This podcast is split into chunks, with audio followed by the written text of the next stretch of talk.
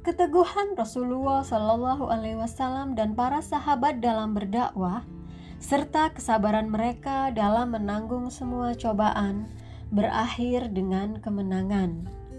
Semakin kuat penentangan orang kafir, semakin bertambah pula kekuatan Rasulullah dan para sahabat.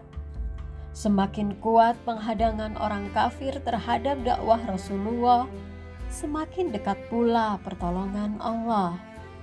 Semakin orang-orang kafir mempersulit dakwah, semakin mudah bagi Rasulullah dan para sahabat mendekati kemenangan.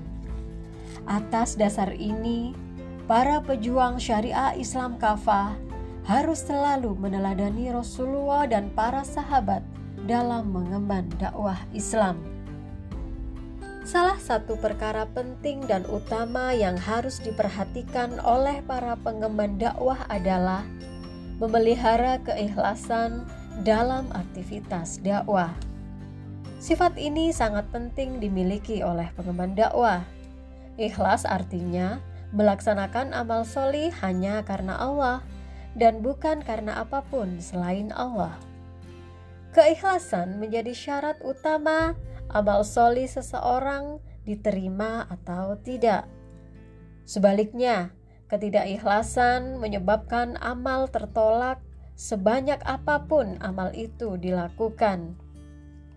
Pengemban dakwah yang ikhlas akan memiliki motivasi tanpa batas. Ia akan berjuang siang malam, ia akan mengerahkan segenap kemampuan dalam menyampaikan risalah Islam. Pengemban dakwah yang ikhlas tidak akan mudah terkecoh oleh iming-iming dunia. Ia tidak mudah dibeli dengan harta sebanyak apa pun. Karena motivasinya dalam berdakwah bukan untuk mendapatkan keuntungan dunia. Pengemban dakwah yang ikhlas akan dengan mudah menerima apa pun keputusan jamaahnya, sehebat apa pun dia.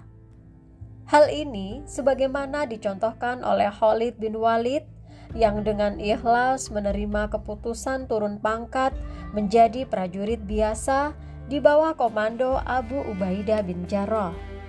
Padahal kemampuan Khalid dalam berperang sungguh tidak diragukan. Demikianlah jika pengemban dakwah menolong agama Allah dengan tulus ikhlas, niscaya Allah akan menolong mereka dengan tegaknya syariah Islam kafah di muka bumi ini.